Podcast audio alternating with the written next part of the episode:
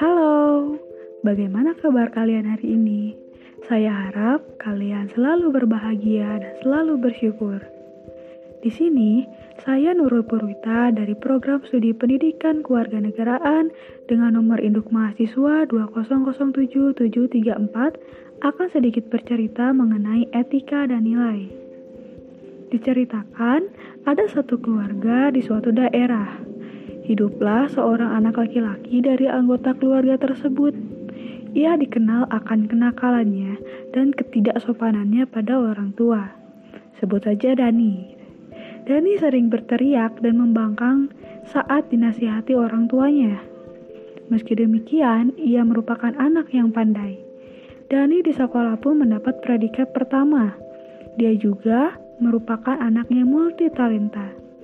Dani pandai dalam olahraga dan juga pandai dalam bidang akademik. Karena hal tersebutlah, Dani menjadi anak yang merasa paling pintar, bahkan merasa lebih baik dari semua orang, termasuk kepada orang tuanya. Sikap enggannya membantu kedua orang tua dan minimnya rasa hormat tentu membuat orang tuanya sedih. Saat ia duduk di bangku SMA, ia optimis bisa masuk universitas impian lewat jalur tes. Akan tetapi, hal demikian atau ekspektasi dari Dani tidaklah terjadi. Saat pengumuman universitas, ia gagal. Tentu, hal ini membuatnya kesal. Ia merasa tidak mungkin gagal dalam hal seperti ini. Bahkan, ia menyalahkan kedua orang tuanya yang ia anggap sebagai pembawa sial.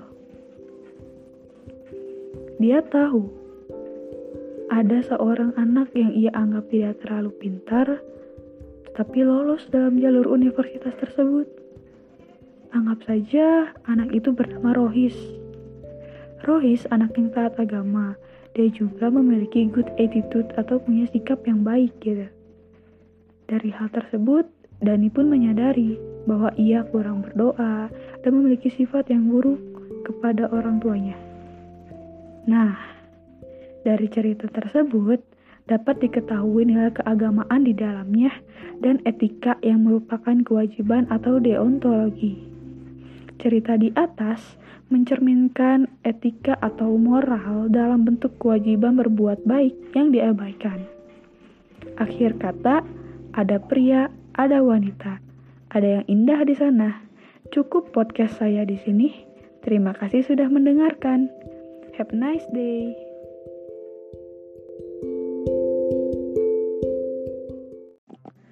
Hubungan sejarah dan ilmu politik. Pertama-tama akan dibahas dulu mengenai sejarah. Sejarah itu membahas mengenai perkembangan dan pertumbuhan suatu peristiwa yang saling berkesinambungan. Sejarah juga memiliki fungsi edukatif, fungsi inspiratif, instruktif, dan juga fungsi rekreatif. Sedangkan pada ilmu politik, kerangka konseptualnya menyediakan banyak alat untuk menguraikan berbagai unsur politik, aspek politik, kelakuan aktor, nilai-nilai yang melembaga sebagai sistem politik, dan juga masih banyak lagi. Sehingga dapat diketahui bahwasanya politik adalah sejarah masa kini dan sejarah adalah politik dari masa lampau. Dalam hal ini pula, menunjukkan bahwa sejarah sering diidentikan dengan politik. Sejauh keduanya menunjukkan proses yang mencakup keterlibatan para aktor dalam interaksinya serta peranannya dalam usaha memperoleh apa, kapan, dan bagaimana. Pada zaman saat ini, Sebenarnya sejarah politik masih cukup menonjol, tetapi tidak sedominan masa lampau. Hal itulah sangat menarik bahwa pengaruh ilmu politik dan ilmu-ilmu sosial sungguh besar dalam penulisan sejarah politik yang lebih tepat disebut sebagai sejarah politik gaya baru. Lantas, bagaimana contohnya dari keterkaitan ilmu sejarah dengan ilmu politik? Contohnya dapat dilihat dari perkembangan partai politik di Indonesia. Berbagai partai politik di Indonesia pada awalnya berlatar belakang ideologi. Pembentukan partai politik yang dilandasi oleh ideologi ini membuktikan bahwa kesamaan pemikiran dan gagasan dalam suatu komunitas dapat menciptakan suatu tujuan.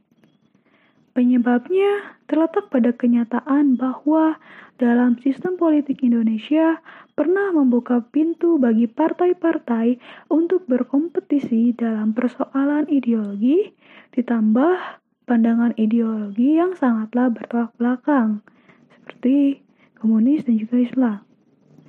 Ini tentunya menjadi pelajaran untuk ke depannya bahwasanya hal-hal tersebut tidak terulang lagi dan mengakibatkan dampak yang sama atau bahkan lebih buruk lagi.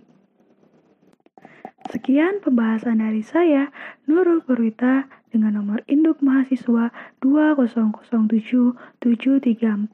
Terima kasih telah mendengarkan.